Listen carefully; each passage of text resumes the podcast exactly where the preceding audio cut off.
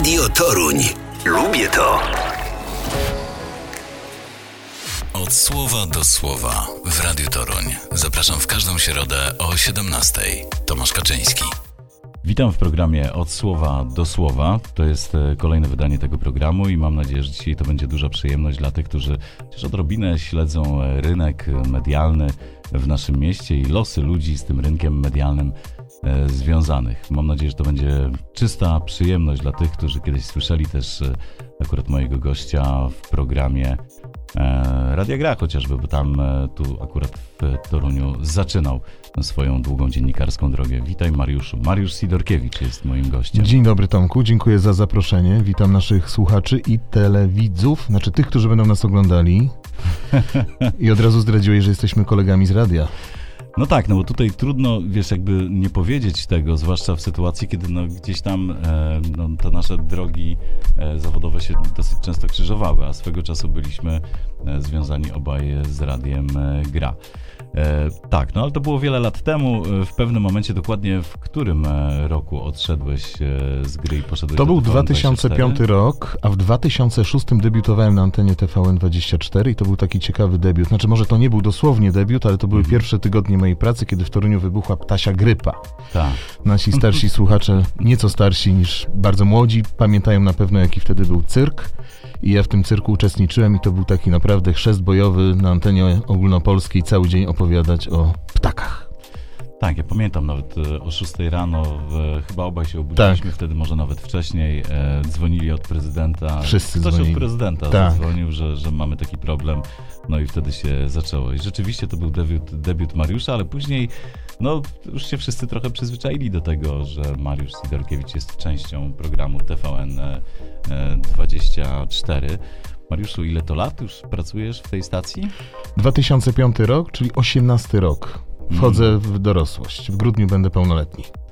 No dobrze, no i powiedz... Co e, widać zresztą, mam nadzieję. Ci, którzy widzą, trochę to, to zauważają, że, że już mam 18 lat. Na pewno się odrobinę zmieniliśmy e, od czasów, kiedy razem Na e, dobre, na korzyść. Tak, ale jak widzisz, do, świetnie pasujesz do radia, twój głos jest typowo radiowy i też myślę, że wszyscy, którzy widzą cię na antenie TVN24, oni naprawdę też zwracają na to uwagę. Ale jest coś takiego, muszę powiedzieć, tak przepraszam Proszę, za krótką proszę, dygresję, proszę. że y, zawsze jak jestem w radiu, bo czasami jestem, czasami mnie zapraszają i mam te słuchawki i Mhm. odsłuch i mikrofon i, i jednak profesjonalny radiowy sprzęt, to zawsze jest jakaś lekka trema. Nie wiem o co chodzi, wiesz? W telewizji jakoś jest inaczej, no ale to tak na marginesie. No dobrze, to powiedz o swoich początkach e, w telewizji TVN. To twój debiut to były akurat tematy związane z ptasią grypą tu w Toruniu. E, No ale powiedz, jak się zaczynała e, twoja praca na tej antenie, gdzie już jesteś jedną z najbardziej rozpoznawalnych po, postaci. No, umówmy się, tu nie tylko chodzi o to, że jesteś z Torunia, ale jesteś jednym z tych, którzy się pojawiają od tak wielu lat, tak często na tej antenie.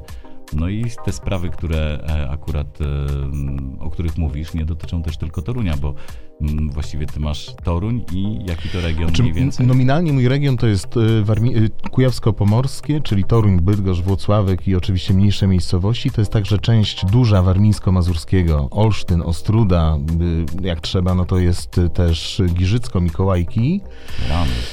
Tak, tak, tak, to jest kawał drogi. No i Mazowsze, Płock, Płońsk, Ciechanów, te, te miejscowości, ale to jest tak, że w telewizji ogólnopolskiej to była ta zmiana jakby jakości, kiedy przeszedłem z radia do telewizji. W telewizji ogólnopolskiej jest tak, że właściwie pracujesz wszędzie, tak? Często mam dyżury w Warszawie, często mam dyżury w Gdańsku, kiedy spadła rakieta w Przewodowie parę miesięcy temu, czyli Lubelszczyzna, niedaleko granicy z Ukrainą, to tam byłem. E, Czyli krótko mówiąc, jakby y, nie ma jakiegoś takiego zaszeregowania. Oczywiście, ponieważ mieszkam w Toruniu i jestem korespondentem z Torunia, no to bardzo często stąd robię relacje, ale muszę być zawsze przygotowany na to, że gdzieś trafiam w jakiś nowy teren, w nowe miejsce, gdzie są ludzie, których nie znam, gdzie nie mam przetartych szlaków komunikacji, chociażby, nie wiem, z rzecznikami prasowymi, z lokalnymi VIP-ami, z ludźmi. No, jakby muszę nauczyć się tego i to było najbardziej ciekawe i jednym z większych wyzwań na początku pracy, że no muszę być bardzo elastyczny. No i chyba jesteś, chyba ci się to udaje, ale właśnie miałem cię zapytać, co jest najtrudniejsze w tej pracy, ale to chyba, no zakładam, że to jedna z tych trudniejszych rzeczy, czyli nagle lądujesz w zupełnie nowym terenie, nie znasz ludzi, nie masz telefonów nawet do tych ludzi często, no, chyba, że tam ci ktoś podrzuca z producentów, e, którzy zlecili ci to zadanie.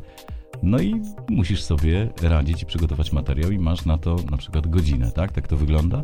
Mniej więcej tak to wygląda. Często jest tak, że po prostu jadę na miejsce i dostaję telefony, o której będziesz, kiedy będziesz i, i kiedy jeszcze jestem w samochodzie, już mnie wydzwaniają tak zwaną zwrotną, czyli y, kontakt z reżyserką, a to oznacza, że za chwilę wchodzimy na antenę. I teraz przyjeżdżam w miejsce, gdzie załóżmy coś płonie albo coś wybuchło przed chwilą, bo mówimy o takich newsach y, rzeczywiście naprawdę y, newsowych. Y, I ja jakby mam 30 sekund na miejscu, żeby zobaczyć, jak to wygląda, no bo pewne wyobrażenie o tym mam, ale, ale jak to pokazać, na co zwrócić uwagę, czym zagrać, czym wygrać, jaki obrazek w tym hmm. pierwszym momencie jest najciekawszy. No więc trzeba mieć refleks, trzeba mieć to doświadczenie rzeczywiście dziennikarskie. Znaczy ja, ja jakby nie przyszedłem tu po to, żeby, żeby opowiadać, jakim jestem super dziennikarzem, tak? Ale mm, jednak doświadczenie pozwala tobie bardzo szybko jakby rozpoznać sytuację i zbudować już pewną opowieść, nawet jeśli jesteś właśnie tam od 30 sekund i jeszcze nie wszystko wiadomo, albo niewiele wiadomo. A antena potrzebuje po prostu relacji, tak? Bo ważne jest tempo. Chodzi o to, żeby jak najszybciej pokazać widzom, co się dzieje i żeby być pierwszą stacją, która relacjonuje z miejsca zdarzenia, ale równocześnie robić to w sposób wiarygodny, przekonywujący. No i na tym polega zabawa, tak? Bo czasami nic nie wiesz albo niewiele wiesz, ewentualnie coś widzisz i na tym też trzeba zbudować napięcie. No dobrze, ale są pewnie takie tematy, które no, nie należą do Twoich ulubionych, czyli mówiąc wprost, są tematy, których e, nie lubisz, e, nie przepadasz za nimi. E, jakie to tematy? Wiesz co, ja nie lubię tematów y, związanych ze służbą zdrowia. Znaczy ja wiem, że to jest ważne, yy, bo, bo, bo, zdrowie jest ważne i one są o tyle nośne, że dotyczą prawie wszystkich, tak? Bo każdy gdzieś na każdym etapie swojego życia z tą służbą zdrowia ma kontakt. Służba zdrowia ma to do siebie, że jest wdzięcznym potencjalnie tematem, bo tam zawsze jest bałagan i, i, i kolejki, nikt nie odbiera i tak dalej. Jest o czym mówić, zawsze pacjenci narzekają. Pewnie nie tylko w naszym kraju, pewnie tak jest wszędzie. I to jest potencjalnie nośny temat, którego ja jakoś tak, y, znaczy tematyka generalnie, sfera życia, której ja tak do końca nie czuję. To taki trochę cały czas nie mój świat. I tutaj muszę mocno się y, jakby kierować bardziej takim właśnie profesjonalizmem niż pasją, żeby o tym opowiadać. No i pandemia słynna koronawirusa mocno mnie przećwiczyła, ponieważ przez y, wiele miesięcy nie gadałem o niczym innym, tylko o szpitalach, o szczepionkach Głównie i tak dalej. medyczna wtedy. I wtedy wszyscy musieliśmy być ekspertami od służby zdrowia i y, od, od, od tych spraw, natomiast y, no to właśnie, to było wielkie wyzwanie. No dobrze, ale tych tematów lokalnych też e, nie jest tak dużo. Rzeczywiście sporo jeździsz e, po, po kraju. Ostatnio, ostatnio akurat ten obiekt, który spadł pod Bydgoszczą. Też, też bardzo tak. To było UFO w końcu? Podobno tak. Są tacy, którzy tak mówią. Wrzuciłem na Twittera zdjęcie tej dziury, w której, która pozostała po znalezisku i wiele komentarzy twitterowiczów, także zagranicznych, wskazywało jednoznacznie na to, że było to UFO. Teraz już wiemy trochę więcej. Wszystko wskazuje na to, że to rosyjska rakieta przeleciała 3 czwarte terytorium naszego kraju i spadła w lesie i że wydarzyło się to w grudniu i że nikt tego nie szukał tak naprawdę. I dopiero pan, który poszedł na spacer w lesie, znalazł wielką kilkumetrową rakietę, która jest zdolna do tego, żeby przenosić y, głowice jądrowe y, i gdyby nie pan w lesie, to pewnie my wszyscy byliśmy byli w lesie, co każe nam jakby z pewnym niepokojem patrzeć na to, jak E, nasz rząd i minister dba o bezpieczeństwo, ale nie chcę też wchodzić na jakieś takie mocno polityczne tematy. Ta rakieta była świetnym przykładem na to właśnie, że musisz opowiadać przez cały dzień na antenie o czymś, o czym niewiele wiadomo. Tak naprawdę. Znaleziono coś w lesie. Jest teren ogrodzony, jest żandarmeria wojskowa, jest policja, jest las. Są bardzo skąpe informacje. Czasami mam wrażenie wrzucane po to, żeby cię troszeczkę zmylić albo osłabić Twoją czujność, a Ty musisz się odnaleźć w tej przestrzeni. No to na tym etapie możemy przyjąć, że to było rosyjskie UFO. No ale tak naprawdę to chyba, chyba chodziło tutaj o rakietę i zmylenie e, obrony e, ukraińskiej. Tak, taka jest główna hipoteza. Tak, to mhm. była ta mhm. rakieta, która lecieć miała trochę wyżej przed tymi rakietami, które poszły za nią, które miały rzeczywiście uderzyć w cele. Ta była Czyli wabik. Taki wabik, e, rzeczywiście kiedyś służące rakiety do przenoszenia głowic jądrowych. E, no właśnie, bo też nie straszmy, nie? To, to nie było uzbrojone, tam, tak, tam rzeczywiście nie było eksplozji. Taką, taką mm przestrzenią, która jakby zastąpiła te. Zresztą to, to zwykle jest tak, że zanim wystartują takie rakiety, to wcześniej się uzbraja. Właśnie tutaj została uzbrojona w taką makietę tej głowicy i miała być po prostu wabikiem. Ona, y, z tego co wiem, nie skręciła na Kijów, tylko po prostu poleciała prosto do Bydgoszczy. Prosto na, do dlaczego do Bydgoszczy? Właśnie, no to jest dlaczego pytanie. Dlaczego nie do Torunia? Właśnie to możemy zadać to pytanie. Dlaczego? Dlaczego nie Toruń?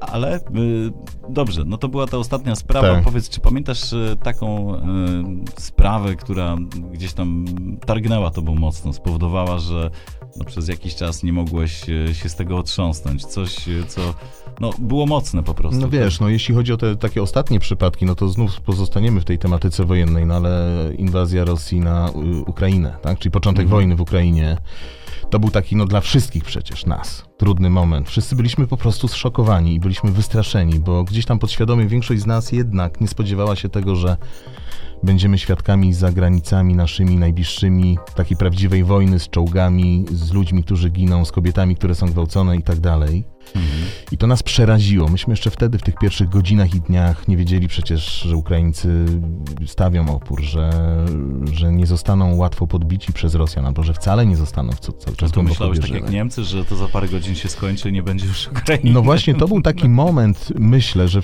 wszyscy nie wiedzieliśmy do końca, co o tym sądzić. Tak? Znaczy, byliśmy po prostu wystraszeni i zestresowani i z wielkim niepokojem patrzyliśmy na to, co dzieje się. I teraz ty musisz, oprócz tego, że y, z tą sytuacją sobie poradzić jako człowiek, jako obywatel, y, równocześnie też jako dziennikarz, y, jakby sprostać temu wyzwaniu, czyli ochłonąć, gdzieś tam z tyłu zostawić jakby ten stres i te emocje i, te obawy o rodzinę, o dzieci, o to, co to będzie, czy, czy, czy w ogóle jeszcze za mojego życia e, ta wojna dotrze do naszego kraju i tak dalej, i tak dalej. Pojechać na granicę, bo akurat ja tam byłem w Przemyślu i, i, i na granicy z Ukrainą i w sposób jakby rzeczowy, merytoryczny, odrobinę emocjonalny, ale jednak w sposób taki fachowy, zawodowy, jakby o tym wszystkim mówić. Tak, mhm. żeby ci, którzy są po drugiej stronie telewizora, czyli widzowie, no właśnie nie ba, żeby dostali po prostu konkretne, rzeczowe informacje. Żeby nie było sytuacji, w której ja tę, ten niepokój potęguję, tylko po prostu opowiadam o tym, jak jest. No i to, i to rzeczywiście z tych ostatnich rzeczy to, to, to było duże wyzwanie. To był duży, e, no duży stres, duże napięcie. Ono tam minęło, no bo jak ze wszystkim oswoiliśmy się po paru dniach, tygodniach, e, ale, ale, ale te pierwsze dni, godziny były trudne rzeczywiście. To prawda, ja też pamiętam, że no, dla, dla, dla, każdego to był e, szok. No i nie wiem, czy miałeś coś takiego, że jak się rozpoczął ten konflikt, to właściwie człowiek się podpiął od razu pod wszystko, co jest związane tak. z tą wojną i w zasadzie od tamtego momentu taki podpięty pozostaje. I jestem, czasami mam wrażenie, że już lepiej znam geografię Ukrainy niż Polski. geografię mm. Polski. Wszyscy, wszyscy byliśmy do tego momentu ekspertami od pandemii i w ciągu jednej nocy staliśmy się ekspertami od armii, wojny, działań wojennych, strategii wojennych i tego typu spraw. Ale to nas bezpośrednio zaczęło dotyczyć. Nie, no, no tak jak wszyscy, właśnie, no bo to tak to Wszyscy działa, myśleli, tak. znaczy może nie wszyscy, bo znam mm. takich, którzy w ten sposób nie myśleli, ale jeżeli się okaże, że Ukraińcom się nie uda, to to może za chwilę będziemy musieli sami sobie no, z, radzić tak z tymi jest. nieszczęśnikami e, z, z Moskwy i, i, właściwie to o to chodziło. Ale też pamiętam taki nawet e, chyba kilka, kilkanaście godzin po, po rozpoczęciu tej wojny, gdzieś e, zapisałem, że myślę, że Ukraińcy sobie poradzą, bo ja wcześniej gdzieś tam spotkałem Ukraińców na swojej drodze i wiedziałem, że to są bardzo mm, przedsiębiorczy, e, też uparci ludzie. I tu się okazało, że rzeczywiście są uparci, potrafią się bronić, są przedsiębiorczy, potrafią sobie radzić w trudnej sytuacji. I się okazało, że ten nieszczęśnik, bandyta Putin ma problem. Tak, ale mieliśmy też doświadczenia z 2014 roku, kiedy Rosja zajęła Krym mhm. praktycznie bez jednego wystrzału, gdzie Putin jakby rozegrał to jak chciał i z Ukrainą, i z opinią międzynarodową. I tak naprawdę później zamroził ten konflikt na wiele lat, ale swoje zdziałał. Dlatego ja się szczerze mówiąc bałem, co będzie teraz. Tak? No tak, ale Ukraińcy też się Mhm. zmienili po tym Tak, 2014, tak, bo zauważ, tam się, Udowadniają to tam bardzo się, tam wyraźnie. się trochę działo, bo Mhm. e, też zmiany następowały w armii. Zmiany w podejściu samego państwa do tego, co, co się wydarzyło w 2014. Wyciągnęli wnioski, tak. Tak, wyciągnęli wnioski i to e, wyciągnęli do tego stopnia, że zobacz, teraz stawili opór i to wszystko potrafili jakoś e, powstrzymać. Czyli ta sytuacja, To było duże wyzwanie. Tak, tak. I, I widziałem dziesiątki, setki, tysiące y, kobiet z dziećmi, ludzi, którzy w popłochu uciekali przed wojną, Mhm. przed śmiercią, przed rakietami, przed głodem, którzy byli wystraszeni w stopniu po prostu y, skrajnym, którzy uciekali z walizeczkami. Ten dźwięk kółek od walizek, Mhm. który jest taki bardzo charakterystyczny gdzieś, kiedy podróżujemy. To ten dźwięk po prostu od rana do wieczora na tym przejściu granicznym mi towarzyszył i naprawdę autentycznie przerażeni ludzie, którzy uciekali przed wojną. No, myślę, że nikt z nas nigdy nie sądził, że za, naszego życia takie obrazy będą rozgrywały się na naszych oczach. To była ta sytuacja, która tobą wstrząsnęła i gdzieś tam została w pamięci. To było mocne, na pewno, No, tak. Ale się nie dziwię. Powiedz, czy jest coś takiego, co można bardzo lubić w tej pracy? Bo ja się czasami też zastanawiałem, bo pamiętasz, kiedyś się tam e, nawet e, naśmiewałem, że ja wstałem dopiero sobie rano, wyłączyłem to FM24. 6.15 Tak, Sidorkiewicz, ciebie, tak. już tam stoi Zmarznięty gdzieś, gdzieś. w wodzie. Tak. Boże, no co za robota. Tak. Ale jest coś, co można naprawdę w tej pracy bardzo lubić? Znaczy, to jest tak, no tu nie odkryję pewnie niczego jakiegoś wielkiego. No, to, to dziennikarstwo to jest pasja, tak? Znaczy, to nie jest robota, do której chodzisz od 8 do 16, a jak każą ci przyjść na 7, to jesteś zły. Albo jak każą ci zostać po godzinach, to czujesz się najbardziej nieszczęśliwym człowiekiem na świecie. Oczywiście czasem jest kolizja z twoimi planami życiowymi, ale generalnie co do zasady nie patrzysz na zegarek. Mm, Na przykład 3 maja, kiedy masz wolne, to nie siedzisz na plaży, tylko odwiedzasz kolegę w radiu i gadasz o robocie. No tak, no rzeczywiście. Na tym, na tym trochę to polega.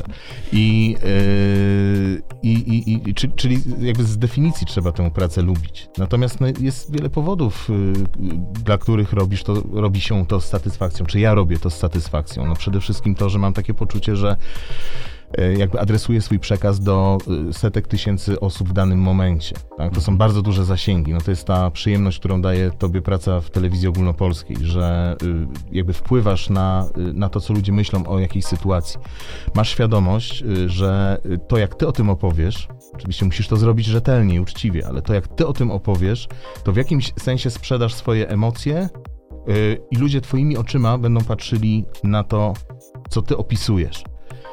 No i to daje, znaczy to jest oczywiście wielka odpowiedzialność i tak dalej, ale daje to wielką frajdę, jakieś takie poczucie no, tego, że rzeczywiście kreujesz pewną opinię mm, wśród ludzi i wtedy tam jakby na tą szóstą można wstać. No pewnie codziennie jakieś akcje specjalne, to, to, to, to by człowiek się wypalił. Tak. Ale są też momenty, wiesz, no dziennikarze podobno narzekają jakby w dwóch sytuacjach. Jak się dużo dzieje, bo wtedy mają dużo roboty, jak się nie dzieje, bo wtedy szukają tematów. No więc właśnie, no. Yy, Jest tak, że przychodzi jakiś moment zmęczenia, frustracji, lekkiego wypalenia, no i wtedy trzeba sobie znaleźć jakąś swoją drogę do tego, żeby e, odreagować, odpocząć i znów ruszyć. No dobrze, to było, już o tym, co trudne, o tym, co najbardziej satysfakcjonujące i o tym, co można nawet polubić w tej pracy. No to czy miałeś takie momenty może przez tych 18 lat pracy akurat w TVN24, e, że myślałeś sobie, że to już że musisz zrobić coś innego. Wiesz co, myślałem gdzieś tam parę lat temu o tym, że już zrobiłem wszystko, tak? W- W sensie takim, że, że nie ma już tematów, których y, jakby nie robiłem lub podobnych, tak? Byłem na setkach pożarów, relacjonowałem powodzie, kampanie wyborcze, prezydenckie, parlamentarne, y, spadł y, y, w tragicznych okolicznościach samolot w Mirosławcu, relacjonowałem katastrofę smoleńską, No, wydawało mi się, że już zrobiłem wszystko i że tak naprawdę teraz będę tylko jakby powtarzał te rzeczy, które do tej pory robiłem, ale że ta poprzeczka już tak wysoko została tymi wydarzeniami, o których wspomniałem, zawieszona, że ja już jakby nie, nie dojdę do tego momentu. Że, że, że nic mnie już nie zaskoczy, że już nie będzie żadnego wyzwania, że to już będzie rutyna i taka rzeczywiście robota jak yy, w, pracy, gdzie startuję o 8, kończę o 16. Po czym właśnie, no, zaczęła się pandemia, która znów odwołuje się do tego, no ale to było wielkie wyzwanie także żeby o tym opowiadać w telewizji, na antenie, w ogóle, żeby o tym opowiadać, a chwilę później wojna. Tak? I, I to jakby pokazuje, Nie że... ma nudy. Nie ma nudy. Nie ma nudy. No, za chwilę będziemy mieli pewnie jedną z najbardziej, już właściwie mamy, agresywnych kampanii wyborczych i wielki bój o to, kto przejmie władzę w Polsce na najbliższe lata, może na zawsze. I, i, i już, znów, za chwilę te emocje pewnie nas tak mocno pochłoną, że zapomnę o ewentualnym wypaleniu, zmęczeniu, nudzie czy, czy, czy zwątpieniu, bo, bo właściwie o zwątpienie pytałeś. No więc mm, jak się to kocha i lubi, to, to jest zawsze, zawsze okej.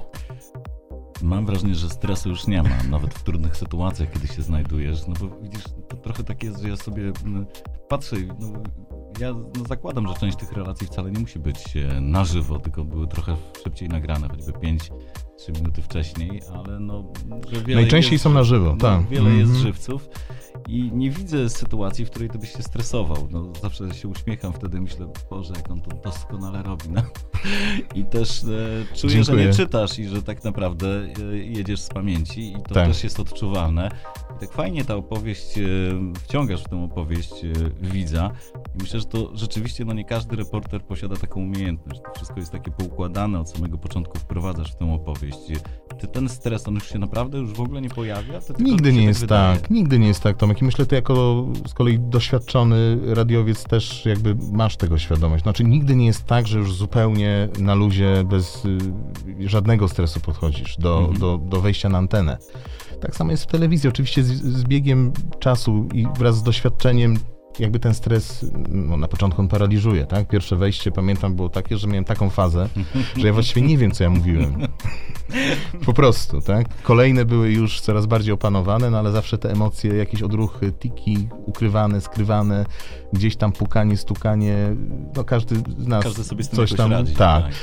E, to z czasem ustępowało, zanikało i tak dalej, i tak dalej. I rzeczywiście jest ten spokój, ten czasem luz antenowy, tak? To, że czasami możemy troszeczkę dać oddechu, nawet jeżeli mówimy o czymś ważnym, to jednak uśmiechnąć się do, do odbiorcy, puścić młoczko, zażartować, spuentować, tiru riru. Tak, to jest, ale mimo wszystko, jak cię odliczają, że tam te 3-2 sekundy, y, to, to jest taki moment takiego lekkiego, lekkiej spiny. I też powiem wam, tobie Tomku i, i naszym słuchaczom i widzom ciekawostkę, że na przykład bardziej się stresuję w rozmowie z tobą, bo jest ona bardzo osobista i rzadko, y, znaczy może nie bardzo, ale dość osobista. E, I, i czyli, czyli wyszedłem jakby ze, ze swojej y, Strefy komfortu. strefy komfortu i, i tu bardziej jestem jakby speszony niż jakby w takim wejściu telewizyjnym. Mam też na przykład taką sytuację, że czasami mi się zdarza rozmawiać z ludźmi, ze studentami na przykład na zajęciach. 20 osób jest, tak? Normalnie mam kilkaset tysięcy, a tu mam 20. I stres. I jest taki stres, że ja po prostu przez 2-3 minuty muszę, muszę się ogarnąć, żeby, bo też wiem, że oni patrzą, tak, pan, pan z telewizji, no to on musi ładnie mówić, nie popełniać błędów językowych, nie jąkać się, dobrze wyglądać, właśnie być wluzowany, nie spięty, a ja tam po prostu, Tak, i to są te stresujące sytuacje. Tak. Rzeczywiście, ja też tak trochę mam, że no to wiesz o parę czym osób mówię. bardziej stresuje Tak. niż dziesiątki tysięcy. Także już teraz trochę odkrywamy karty, kiedy Mm. rzeczywiście się najbardziej stresujemy. No, ale chcemy w ten sposób zachęcić was, żebyście słuchali dalszego ciągu tej rozmowy, ponieważ nie gadamy o banałach, tylko gadamy bardzo szczerze.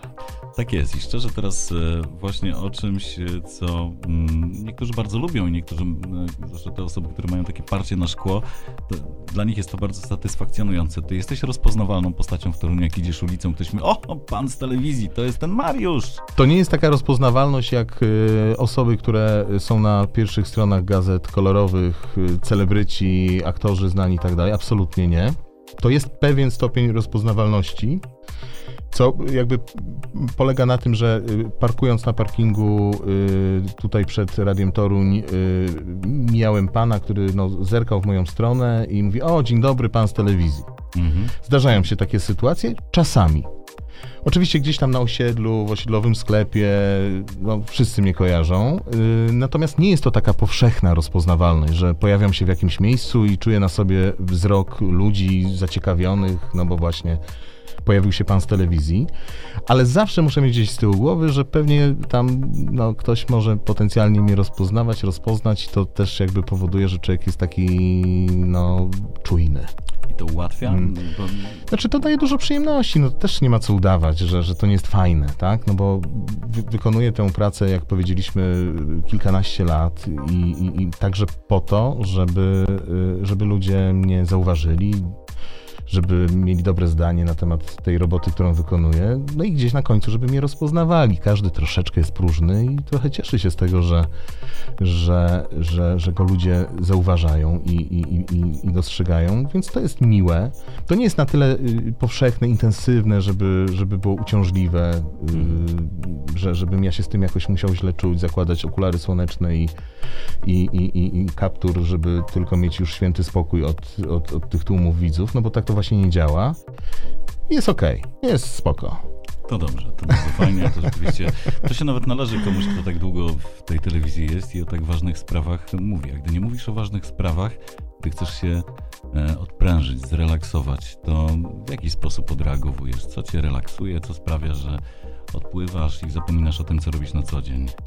No to muszę zdradzić pewną tajemnicę. Zdradzaj. Mm, Rozmawialiśmy sobie off the records tuż przed y, wejściem na antenę i rozmawialiśmy o serialach, więc to jest Mhm. jakiś tam sposób na to, żeby mm, wejść w świat y, fikcji, fantazji, w zupełnie inny świat i sobie troszeczkę żyć życiem tych bohaterów, czyli odpocząć trochę od, od tego intensywnego życia reportera, no bo ono rzeczywiście jest takie bardzo wymagające. Y, Książki, kryminały, nie jakaś tam wielka literatura wymagająca jakiegoś wysiłku intelektualnego, tylko jakieś proste rzeczy. No, jeśli chodzi o te seriale, to też raczej proste rzeczy. Tego nie widać pewnie, zwłaszcza mam na myśli tych, którzy w tej chwili nas oglądają, ale trochę biegam i, i, i, i to mi daje fajny fan, bo y, odreagowuję. To, to jakby, znaczy bieganie mi jest potrzebne z wielu powodów. No, żeby mieć kondycję, żeby może schudnąć, przynajmniej w to wierzę. Że, wciągam brzuch. żeby, y, ale też, wiesz, żeby y, wpaść w jakiś taki stan lekkiej nirwany. Mam słuchawki, muzyczkę, biegnę, biegnę i tak przy drugim, trzecim kilometrze gdzieś tam odlatuję po prostu i, i nie myślę właśnie o, o, o, o, tych tematach, o tych rakietach, o, tej cholernej polityce, którą też relacjonuję, tylko gdzieś tam mam godzinę swojego świata, biegam wtedy po Toruniu, Jestem rodowitym torunianinem, jak- jakieś stare dzielnice, stare ulice, miejsce, gdzie chodziłem do szkoły, gdzie, gdzie się wychowywałem. No taka w ogóle fajna opcja. I to, i, czyli, czyli, czyli seriale, książki, to bieganie. No też życie rodzinne dostarcza mi bardzo wie, wielu y, wyzwań, ale też jakby jest to jeden wielki sposób na, na to, żeby na chwilę zapomnieć o pracy. E, Dziewięcioletnia Laura, trzynastoletni Aleksander, ich mama Agnieszka. To wszystko powoduje, że też ten świat rodzinny, czyli jakieś wspólne wyjazdy, obiady, no to też jakby jest świetny sposób na to, żeby ten balans był. No to. Pięknie to powiedziałem, prawda? Tak, tak, i też się nie chciało tego przerywać. Jesteś rodowitym torunianinem. Z jakiej części Torunia pochodzisz? Em, Bydgoskie Przedmieście, dokładnie ulica Wita Stwosza. To jest taka niewielka, ślepa uliczka yy, i tam spędziłem pierwszych 14-15 lat życia, a potem przez długie lata mieszkałem na Rubinkowie.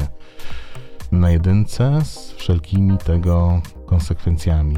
Co to znaczy z konsekwencjami? No wiesz, bloki, wachlarz środowisk, y, dużo ludzi, duże skupisko. ławeczka, Nie, tak? nie, Hop.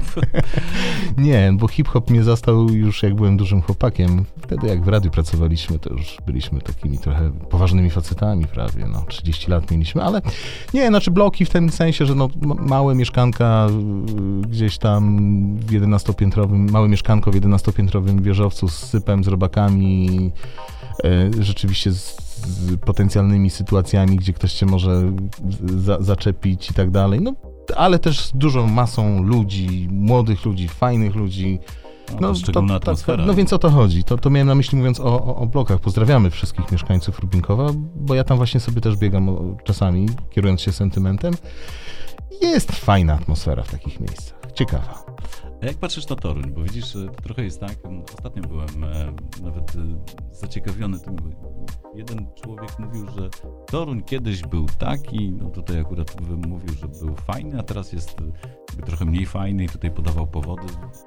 Nie wchodząc w szczegóły, według ciebie, jak Mhm. jest? Czy Toruń jest teraz fajny, jest fajniejszy niż kiedyś? Ja mam ten komfort, że y, jakby jestem torunianinem, mieszkam w Toruniu, ale czasami trochę czuję się jak gość w Toruniu, no bo potrafię cały tydzień gdzieś tam krążyć i, i, i de facto być poza Toruniem. Mm, więc myślę, że patrzę na Toruń z właśnie takiego fajnego dystansu. Innego niż wtedy, kiedy byłem dziennikarzem lokalnym i, i, rzeczywiście bardzo żyłem tym pulsem miasta, tym, co tam się w mieście dzieje, jakie zapadają decyzje, jakie inwestycje są realizowane, jakie nie i tak dalej. I patrząc z tej perspektywy, uważam, że Toruń jest w ogóle super miasto. Jest miastem nie za małym, nie za dużym, jest miastem zadbanym, mm, miastem ładnym, przynajmniej jeśli chodzi o starówkę, no bo wiadomo, że możemy sobie podyskutować o tym, co widać z okna biurowca radiatoru, no ale to jakby temat na osobną dyskusję. No, chodzi ci o to, że jest przebudowana Że jest rozkopana ulica tak? Chełmińska i że jest uniwersum, który straszy nas od dziesięcioleci już właściwie można powiedzieć, ale to rzeczywiście dygresja. Generalnie Torun jest fajny, fajnym miastem do życia, takim, że ja z mojego domu na Jakubskim Przedmieściu na piechotę mogę pójść do miasta i napić się piwa albo zjeść obiad i, i wrócić na piechotę. E, więc jakby tu niczego nie brakuje. Jest fajnie skomunikowany ze światem. Nie wiem, do Warszawy samochodem jedziesz 2,5 godziny. Jeśli chcesz albo musisz być w Warszawie, to właściwie to nie jest daleko. Wszędzie jest blisko teraz. Do Gdańska jest półtorej godziny autem i jesteś na plaży albo, albo po prostu w którym mieście, jeśli tam masz jakieś interesy albo tak jak ja realizujesz jakieś tematy. Więc y, jest, jest sympatyczny ten Toruń. No jest pewnie jakiś duch takiej mm, małomiasteczkowości, że się wszyscy trochę znają, nie? Jak mieszkają w Toruniu całe życie albo pół życia, to ktoś tam zawsze albo w podstawówce chodził z kimś do klasy, albo w liceum, albo studiował, albo w jednej pracy się zetknął, w drugiej. No my dziennikarze to już w ogóle gdzieś tam nagrywaliśmy wywiad, robiliśmy jakąś robotę i, i, i czasami jest takie poczucie, że się wszyscy tu znają, co no, też ma dobre strony. Znaczy jest to fajne i miłe, ale momentami potrafi być przytłaczające. No, no, nie możesz się, znaczy trudno się jest ukryć. Dokładnie. To, to, dokładnie. to jest jakby mało prawdopodobne, ale okej, okay, no dobra, no to trochę z dystansem możesz właśnie patrzeć na Toruń. E, fajnie z dystansem o tym mówisz, ale powiedz, e, jest coś pewnie takiego, co e, ewidentnie cię wkurza i na przykład mm, myślisz, że byłbyś w stanie albo chciałbyś mieć wpływ na to, żeby to jakoś zmienić. Powiedz, czy jest w takim razie coś, co mógłbyś powiedzieć, że jest ewidentną wadą współczesnego Torunia? Yy, tak. Yy, I to pewnie moje dzieci się uśmiechną i, i, moja Agnieszka, ponieważ ja bardzo często używam wiele brzydkich słów, yy, opisując jakby to, o czym teraz chcę powiedzieć. To jest układ komunikacyjny miasta. On jest dramatyczny po prostu. Ja już nie mówię o tych remontach, bo remonty ja, ja rozumiem, że są konieczne, potrzebne, potem będziemy mieli ładne drogi i, i, i wygodne i, i wszędzie drogi są remontowane, ale na przykład wkurza mnie układ świateł, który powoduje, że ja zatrzymuję się na każdych światłach, niezależnie od tego, czy jadę szybko, wolno, czy jadę z prędkością odpowiednią, zawsze zatrzymuję się na czerwonym świetle. I dystans 3 kilometrów, nie wiem, z plazy do mojego mieszkania na Jakubskim Przedmieściu, 4 może kilometrów, pokonuje, nie wiem, 15 minut, tylko dlatego, że zatrzymuje się na czerwonych światłach. Byliśmy niedawno w Pradze yy, czeskiej z rodziną, no to tam kurczę jakoś właśnie zawsze było tak, że były to zielone światła. I, i, i więc można chyba, tak? A miasto jest zdecydowanie większe, no wiadomo, metropolia z, z turystami i tak dalej. Więc no to mnie wkurza. pewno są jakieś powody tego, bo ja pamiętam jeszcze w Radiu Gra robiliśmy o tym materiały, że nie ma tej zielonej fali, y, czy, czyli jest to problem od dekad. Skoro nie został do tej pory rozwiązany, to być może są jakieś obiektywne powody, ale to mnie strasznie wkurza po prostu.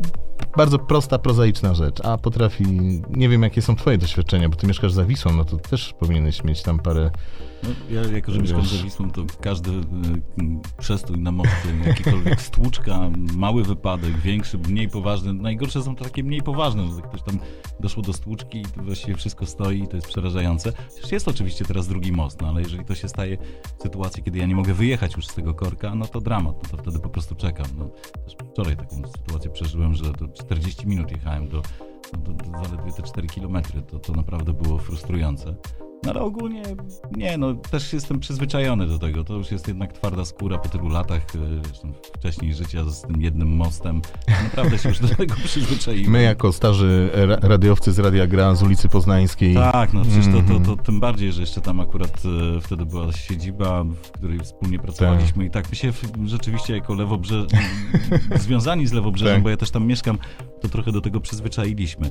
Ale też chciałem ciebie zapytać o coś, e, bo powinienem o sztuczną inteligencję, bo wszyscy ostatnio o tym mówią. E, no ale zakładam, że sztuczna inteligencja może tych dziennikarzy bardziej takich prasowych i e, internetowych gdzieś tam powoli e, wyrzucać z pracy, no bo to, rzeczywiście te teksty pisane przez sztuczną inteligencję są lepsze z, niż z czasem nie jeden. być coraz lepsze, to prawda. Są coraz lepsze. E, przy czym no, nie wiem, czy chciałbym je czytać. Mm. To też jest druga sprawa, że wolałbym jednak, żeby tam za tym stał Był jakiś człowiek. konkretny mm. autor, do którego można się ostatecznie zawsze zwrócić. Ale wydaje mi się, że akurat dziennikarze telewizyjni tak szybko nie będą zagrożeni przez sztuczną inteligencję, no bo dziś można wykreować grafikę i sztuczna inteligencja sobie z tym jakoś i nawet całkiem nieźle radzi, no ale y, no, ciężko jest takiego reportera na żywo stworzyć, tak, w, trybie mm -hmm. rzeczywistym, który jeszcze, któremu się napisze tekst, no także... Znaczy wiesz, no ja myślę, że sztuczna inteligencja, o której rzeczywiście rozmawiają chyba wszyscy w tej Teraz chwili... tak. Y, to jest wielka niewiadoma jednak, no zobaczymy w jakim to pójdzie kierunku. No to, to tak samo jak parę lat temu nie wiedzieliśmy i cały czas chyba nie wiemy, w jakim kierunku pójdą media społecznościowe, mm -hmm. cały internet, no internet miał zjeść na przykład telewizję i, i tradycyjne radio. I jeszcze tak. nie zjadł, tak? Bo y, no przywołam po raz kolejny, bo jak wybucha wojna, to owszem, ludzie zaglądają do swoich smartfonów rano i patrzą tam, co, kto napisał, co się dzieje, ale potem jednak włączają telewizję, bo tam mają wiedzę pewną, uporządkowaną i wiarygodną. I jeśli nie mają czasu, żeby samemu krytycznie jakby oceniać, bo, bo mają swoje życie, to włączają telewizję, bo tam jest to uporządkowane. I podobnie może być z tą sztuczną inteligencją. Ona narobi wiele zamieszania w sieci, w mediach i w ogóle w świecie. Mhm. Ale gdzieś tam na końcu to, co ty powiedziałeś, Tamku, tak? Będziemy chcieli żywego człowieka, który nam przedstawi jakąś tam rzeczywistość, opisze, opowie nam o czymś. Ale właśnie, wiesz co, a propos tej wiarygodności, to mam takie wrażenie ostatnio, że coraz częściej to słyszę i to jest takie niebezpieczne, bo ja naprawdę coraz częściej, z każdym rokiem jeszcze częściej słyszę coś, co jest dla mnie przerażające, bo ludzie tak naprawdę dziś ufają jakiemuś... Yy, wpisowi gdzieś w mediach mm -hmm, społecznościowych, tak. jakiegoś nieznanego autora lub też człowieka, który tak naprawdę ogrywa całą resztę Przekierowują i to dalej. pieniędzy. Tak.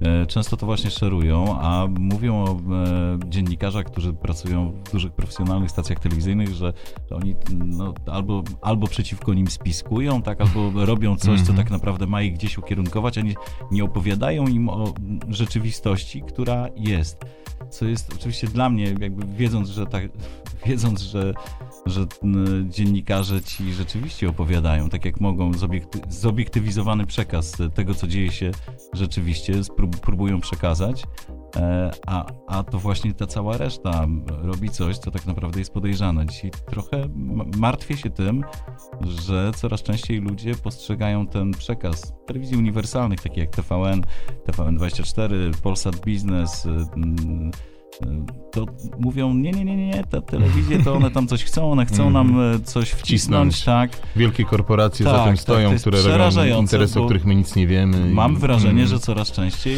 ludzie naprawdę wierzą jakiemuś dziwnemu autorowi na Facebooku czy na Instagramie niż e, dziennikarzom, którzy, którzy zawodowo tak naprawdę starają się przekazać, tak. co się dzieje. Tomek, tak jest, rzeczywiście, tak. Mamy dużo śmieci w internecie, śmieciowych informacji w tym sensie, które są nie, niesprawdzone, nieprawdziwe, jednostronne, niepoukładane, chaotyczne, oparte na y, sfałszowanych, fejkowych zdjęciach, y, grafikach itd., tak itd. Tak y, ale no, no, mimo wszystko no, wyniki oglądalności telewizji informacyjnych pokazują, że jest cała masa ludzi cały czas, która poszukuje informacji wiarygodnych, rozsądnych i sprawdzonych.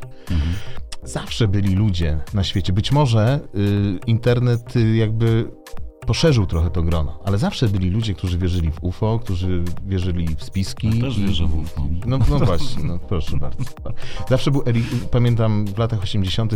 czytałem Ericha von Denikena, który przekonywał, że cywilizacja na Ziemi powstała dzięki temu, że kiedyś wylądowało tutaj UFO. Zawsze istnieje takie prawdopodobieństwo, Tak. chociaż e, świetny film widziałem, gdzie ta teoria jest właściwie w całości obalana, ale no Mhm. oczywiście, no jeżeli ktoś e, odrobinę jakby dopuszcza taką możliwość, to ciężko to obalić tak w 100%. A książki sprzedawały się dobrze w latach 80., Mam wszystkie. kiedy nie było jeszcze internetu. Tak jest. E, czyli ludzie zawsze byli y, skłonni y, szukać y, drugiego dna, bo to jest, to pobudza wyobraźnię, to jest fascynujące, to jest ciekawe, że my potrafimy dojść do wiedzy, której świat nie zna. My i nam podobni. E, Na tym żerują te jakby fejkowe konta, czy, czy, czy osoby, czy piewcy tego typu Tak, albo teorii. już takie postaci, które urosły już do rangi takich... Guru. No, tak, guru, Mhm. tak, oczywiście, oni już wiedzą, jak wygląda świat, że jest... e, Ale ja nie sądzę, Tomek, żeby oni albo zdominowali jednak, tak? Że, że, że, że to będzie mainstream kiedyś. No ja właśnie mam wrażenie ostatnio, że, Że tak się może stać. się właśnie to Mhm. wszystko odwraca i że taka, ten racjonalny przekaz jest w odwrocie, chociaż cieszę się, że coraz więcej przekazu naukowego gdzieś tam się przebija i tej nauki, nawet celebrytów naukowych e, jest coraz więcej. Liczę na to, że, że, że wygra, przynajmniej ta, e, ta racjonalna strona. Ale też chcę ciebie zapytać e, takie ostatnie pytanie, ale też związane z... Ostatnie? Z, no, możemy jeszcze pogadać, tylko wiesz, już tak... Nudno żeby, ci no, żeby to, robi. Nie, nie, to nie to, tylko wiesz, tak... Nie wiesz już, o co pytać. będzie 40... Nie no, można jeszcze o wiele rzeczy zapytać, możemy zejść jeszcze, Dobra, wiesz, jeszcze głębiej. możemy zejść głębiej, ale, no, ale też tego nie chcemy. Bardziej chcę z ciebie zapytać o wolne media, bo to też Mhm. jest temat, który gdzieś tam e, no, na pewno związany jest też ze stacją, dla której pracujesz. E, Ludzie też tak mówią i to też e, jest coraz bardziej powszechne, że nie ma wolnych mediów. To mnie też przeraża, gdy to słyszę, ale niestety to też zaczyna być powszechne. To przekonanie o tym, że nie ma wolnych Tak, mediów. tak, że wszystkie są Mhm. kupione, albo że po prostu próbują nam wcisnąć jakiś towar, czy jakąś ideę, albo są przeciwko jakiejś idei, że nie ma czegoś takiego jak wolne media i to mówią naprawdę często ludzie e, poważni, którzy wydawałoby się powinni wiedzieć, że są media niewolne i, i wolne po prostu. Znaczy, wiesz co, myślę, że najprostszą odpowiedzią, jaką my dziennikarze możemy dać na tak postawioną tezę, jest y, wykonywanie swojej roboty w sposób uczciwy, rzetelny i, i przekonywujący z najwyższą starannością, że tak powiem górnolotnie, bo ludzie to widzą. Moim zdaniem ludzie widzą, kiedy się starasz, kiedy dążysz do prawdy, kiedy przedstawiasz argumenty stron, kiedy próbujesz dociec, dotrzeć do stron, nawet jeżeli popełniasz błędy i nawet jeżeli sobie się nie udaje, nawet jeżeli są fakapy na antenie, Mhm. albo popłynąłeś po prostu z jakąś informacją, bo, bo, bo, bo coś poszło nie tak. To Tak. jeżeli ludzie widzą, że jesteś zaangażowany, że się starasz, to wtedy dajesz najlepszą, najlepsze świadectwo tego, że jesteś dobrym dziennikarzem i co za tym idzie, że są w tym sensie wolne media, że tworzą je dziennikarze, którzy uczciwie wykonują swoją robotę. Natomiast jeżeli będą dziennikarze, którzy będą robili to w sposób nieuczciwy, na przykład propagandyści, no to, no to, to, to jakby można dużo opowiadać o, o wolnych i niewolnych mediach, a ludzie i tak będą swoje wiedzieli po prostu. No mamy nadzieję, że gdzieś te różnice zostaną dostrzeżone, bo tu też chodzi o to, że ten podział e, pomiędzy, no właśnie, dość często nie jest zrozumiały, podział między mediami komercyjnymi i niekomercyjnymi, czyli tymi, które są zasilane e, z naszych podatków. No bo przecież e, gdy rozważamy te kwestie, na przykład, że telewizja kiedyś publiczna, teraz rządowa, e, no, jest ewidentnie telewizją partyjną, no bo to dla każdego dziennikarza jest jasne i oczywiste. E, to, to my nie mówimy tego w kontekście tego, że no, nie powinno być e, portalu, telewizji czy jakiegoś innego medium, które może sympatyzować z jakąś partią. Nie, no nikt nie mówi tutaj, że istnieje telewizja Republika, istnieje tygodnik w sieci, tak, i wiele innych mediów, które mogą sprzyjać akurat rządowi, tylko mówimy o telewizji, która jest z naszych podatków. Tak, No i dlaczego my mamy płacić za problem, promocję tak? tylko jednego Oczywiście. ugrupowania, czy jednej opcji I politycznej. to jest ten problem, Mhm. który jest niezrozumiały, no bo na przykład niektórzy mówią i to często politycy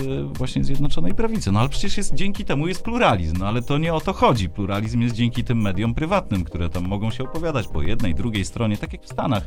Nikt tam nie ma pretensji, że jest e, Fox News, że jest CNN, CNN po stronie demokratów, Fox News po stronie republikanów, wszystko poukładane. Mhm. Czemu nie? W porządku, tylko nie ma te, czegoś takiego jak publiczna telewizja, która, na którą wydaje się miliardy z naszych podatków. prawda? Tak, no z telewizją publiczną, czy z mediami publicznymi zawsze był ten sam problem, bo, bo zawsze oni byli tubą władzy, tylko że dawniej było to robione w białych rękawiczkach, w sposób subtelny, mniej lub bardziej. No zawsze gdzieś mieliśmy z tyłu głowy, że oni są na pasku polityków partii Oczywiście, że rządzącej. tak, bo oni przynajmniej to było takie, no wiadomo, okrąg, okrągłe, obłe, ale no nie było Mhm. No ale na przynajmniej taką skalę. To- próbowali zachować jakieś Tak. pozory, natomiast tutaj mamy na rympał i no to kuje w oczy. No ale znów odwołam się do inteligencji naszych słuchaczy, widzów, do, do ludzi, którzy jak myślę gdzieś tam w jakiejś dłuższej perspektywie ten fałsz, czy tę rzeczywistość, taką jaką ona jest, jaką w tej chwili zdefiniowaliśmy, widzą i rozpoznają. Nie chcę teraz się powoływać na konkretne badania, bo ich nie pamiętam, ale wiem, że poziom zaufania wyborców Prawa i Sprawiedliwości do telewizji rządowej jest ograniczony. Znaczy, oni lubią słuchać to, co w telewizji słyszą, ale nie zawsze to wierzą. O, no, fajnie oszukują, super, ekstra. O, dzisiaj naprawdę to było dobre, to było dobre. Telewizja rządowa stała się nieco mniej wiarygodna nawet dla y, wyborców Prawa i Sprawiedliwości.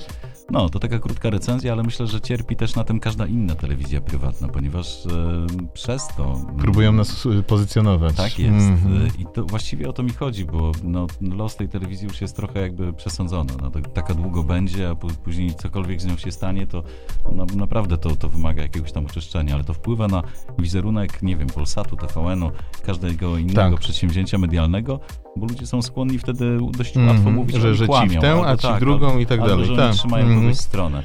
No nie. No więc musimy robić swoją robotę, mm, Tomek, no właśnie, czyli, czyli, czyli robić uczciwą dziennikarską robotę, czyli relacjonować fakty, opinie y, ze sobą, konfrontować, zderzać ze sobą różne przeciwstawne poglądy, bardzo ostrożnie zajmować stanowisko, bardzo ostrożnie operować swoim komentarzem, nie robić z siebie właśnie mentorów, y, tylko bardziej rzemieślników, którzy bardziej przekazują pewne treści, pewne emocje, pewne sytuacje, niż y, sami są aktorami na, na, na, w tym spektaklu. My, jakby mamy służebną rolę.